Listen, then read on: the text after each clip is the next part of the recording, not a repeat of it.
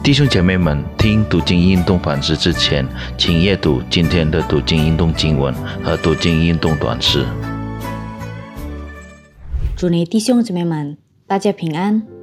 感谢上帝今天赐给我们机会，能够一起来聆听并思想上帝的话语。我们今天要一起来思想的主题是：上帝爱弱者。经文取自《出埃及记》第二十二章二十一到二十七节。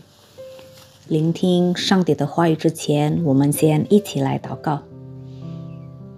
我们在天上的父，谢谢你带领我们度过每一天。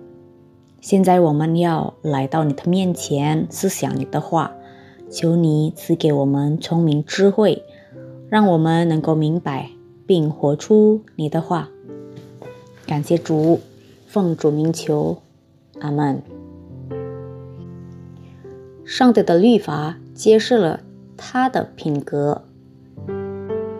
今天的圣经阅读揭示了上帝对那些贫穷和无助的人的爱。上帝的律法也旨在保护不幸的人。在社会上，弱者就是陌生人、寡妇和孤儿，经常受到虐待。因此，上帝吩咐以色列人不可亏负和欺压寄居、寡妇和孤儿。寄居人往往处于劣势，因为他们不懂语言。规则以及如何与当地人打交道。为了保护他们，上帝的子民被禁止利用他们。当时人们可以随心随欲地对待外人，但是上帝的子民有义务欢迎几句人，并要爱他们。这个命令表明，他们敬拜的上帝是一位。仁慈的上帝，上帝要他的子民照顾好寡妇和孤儿。那时候的寡妇不仅要丧偶，还要丧失生计，没有丈夫在身边，寡妇往往要为生存而挣扎。孤儿也是如此，除了上帝以外。没有人能够保护他们免受不公正的对待。上帝制定了法律来保护他们，并满足他们的需要。如果他的子民不遵守律法，他们将被处死。如果我们承认我们是跟随上帝的人，那就必须通过善待陌生人、寡妇和孤儿。来体现上帝的爱。我们的教会里是否有陌生人、寡妇和孤儿需要我们帮助呢？那我们怎么帮助他们呢？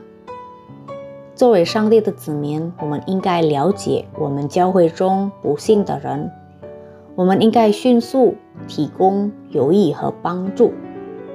这是我们应该过的生活，因为我们侍奉的上帝是。孤儿之父、寡妇的保护者。另一群值得我们怜悯的人是穷人。在这里，上帝的律法禁止他的子民在弟兄的不幸中谋求利益。上帝从不让他的子民从穷人那里赚钱。